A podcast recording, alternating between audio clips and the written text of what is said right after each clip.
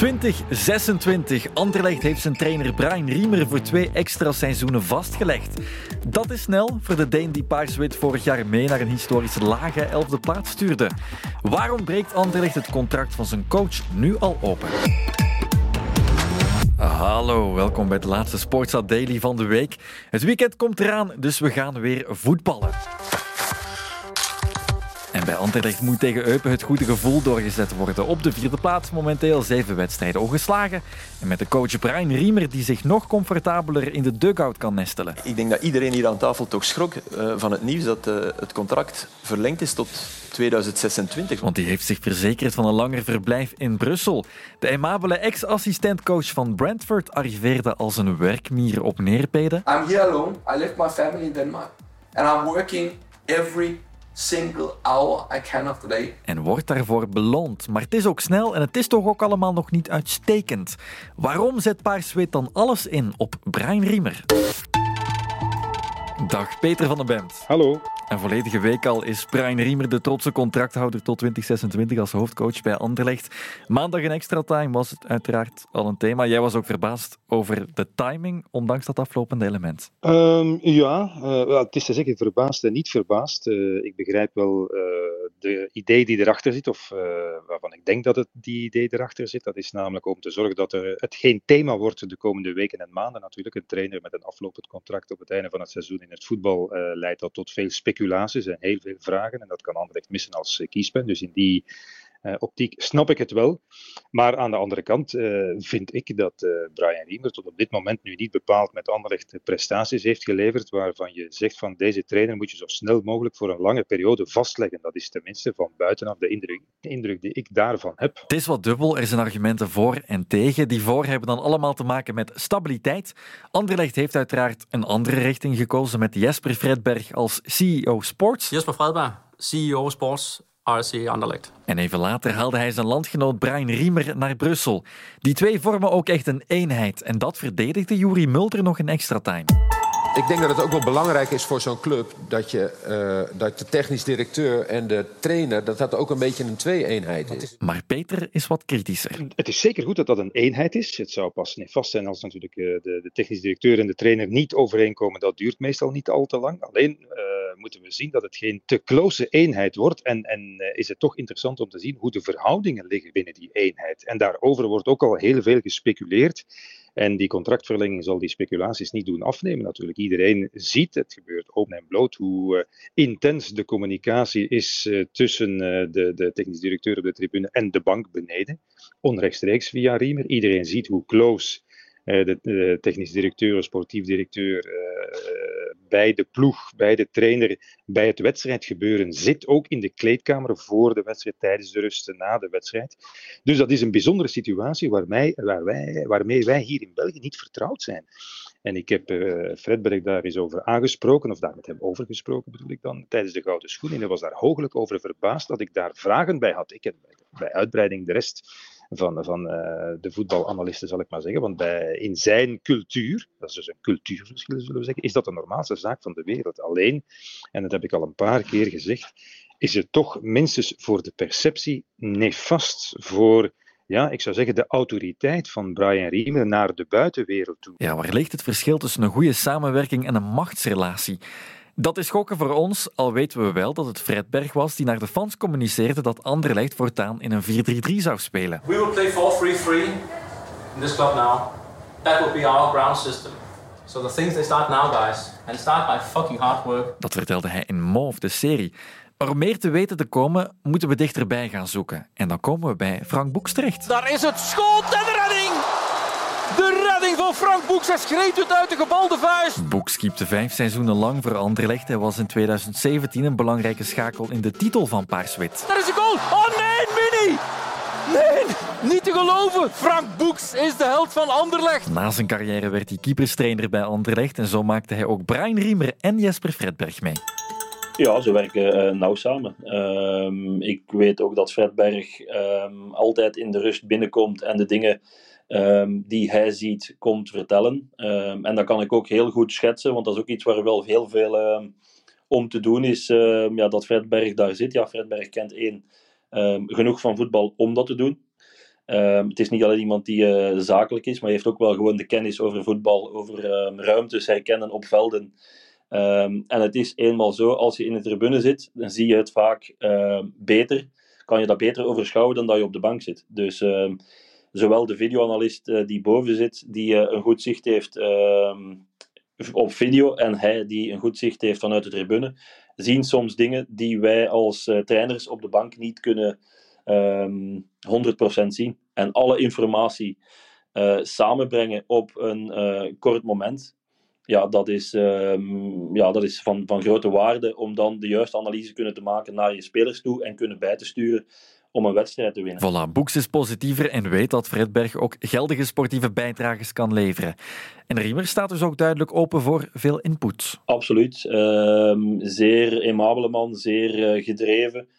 Uh, vertrouwt ook echt op zijn, uh, op zijn staf. Uh, niet iemand die alles alleen beslist. Als er bijvoorbeeld als er een, een, een, ploeg moet gekozen worden met de staf, dan ja, vraagt aan iedereen ehm, binnen zijn staf de mening. En als dat goed onderbouwd is en de staf beslist iets anders dan hij, dan zal hij ook luisteren naar zijn staf en zeggen: Oké, dan, eh, dan uh, zet ik mijn keuze opzij, want we doen het samen. En dat is, ehm, dat is toch wel iets, ja, ik zal niet zeggen uniek, maar het, is toch wel, uh, het geeft toch wel aan dat hij echt wel vertrouwen heeft in de mensen rond hem en dat hij ehm, ja, niet een soort tiran is die alleen heerst en alleen beslissingen maakt. Natuurlijk, de eindverantwoordelijkheid ligt bij hem.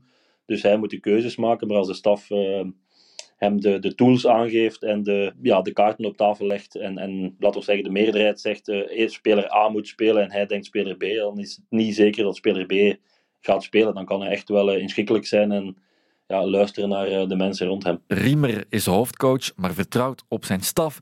Heerst niet als een tiran en dat weten we ook van hem. En dat aimabele, dat weerspiegelt natuurlijk heel hard in zijn interviews waarin hij vaak heel erg positief is. We dominated uh, very well in the first half, very good. They gave everything they have. They left everything on the pitch today, and uh, for me, I could not be more happy with them.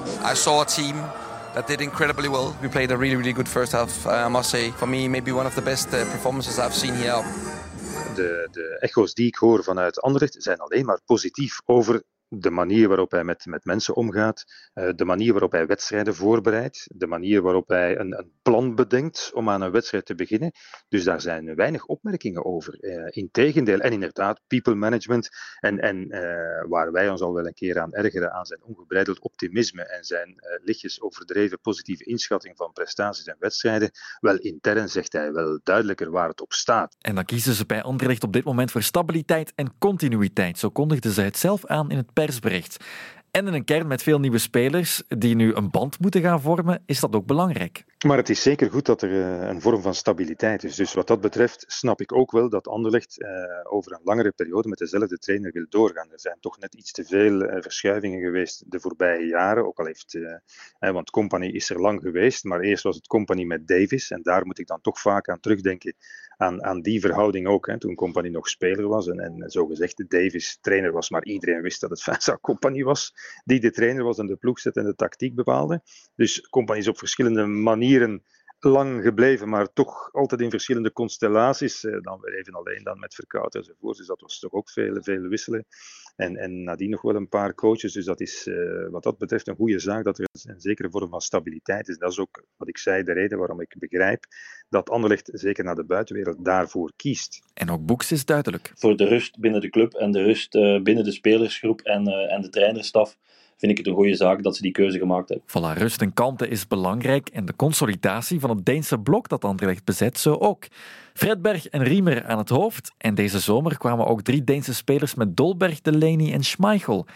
Peter waarschuwt dat dat niet te ver mag gaan. Die Deense invloed moet wel binnen de perken blijven, vind ik. Uh, ik denk dat zo ongeveer de limiet wel bereikt is. En ik begrijp natuurlijk wel, als je in een, in een opbouwfase zit, dat, dat je dan kiest voor wat je kent en voor een bepaalde zekerheid. En daar zijn een paar, een paar opportuniteiten bij, geweest natuurlijk.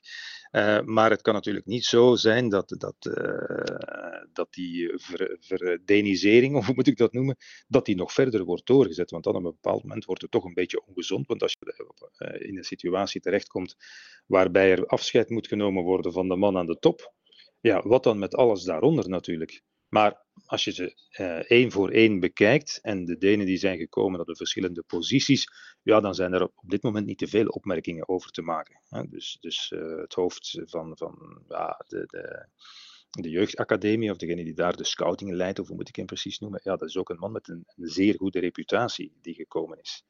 Dus uh, ik, ik, begrijp dat aan de ene kant wel dat er wat meer Denen zijn gekomen, zoals er bij Antwerpen wat meer Nederlanders zijn gekomen.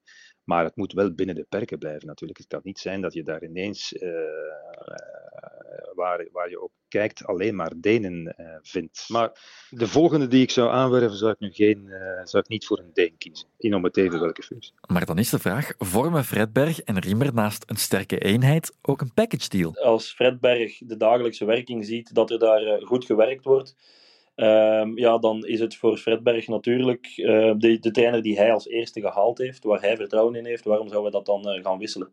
Um, dus ja, package deal, nee. Het is gewoon tevreden zijn. Fredberg is tevreden van Riemer zijn werk. En met de versterkingen die er zijn gekomen van Fredberg, waar Riemer um, toch wel zeer tevreden mee is, ja, gaan die resultaten uh, beter moeten zijn. Zonder te zeggen, het gaat er boek op moeten zijn. Maar ja, beter dan vorig jaar Um, ja, dat is misschien te makkelijk. Uh, je gaat sowieso bij die, uh, die eerste zes moeten zijn, die play-offs halen.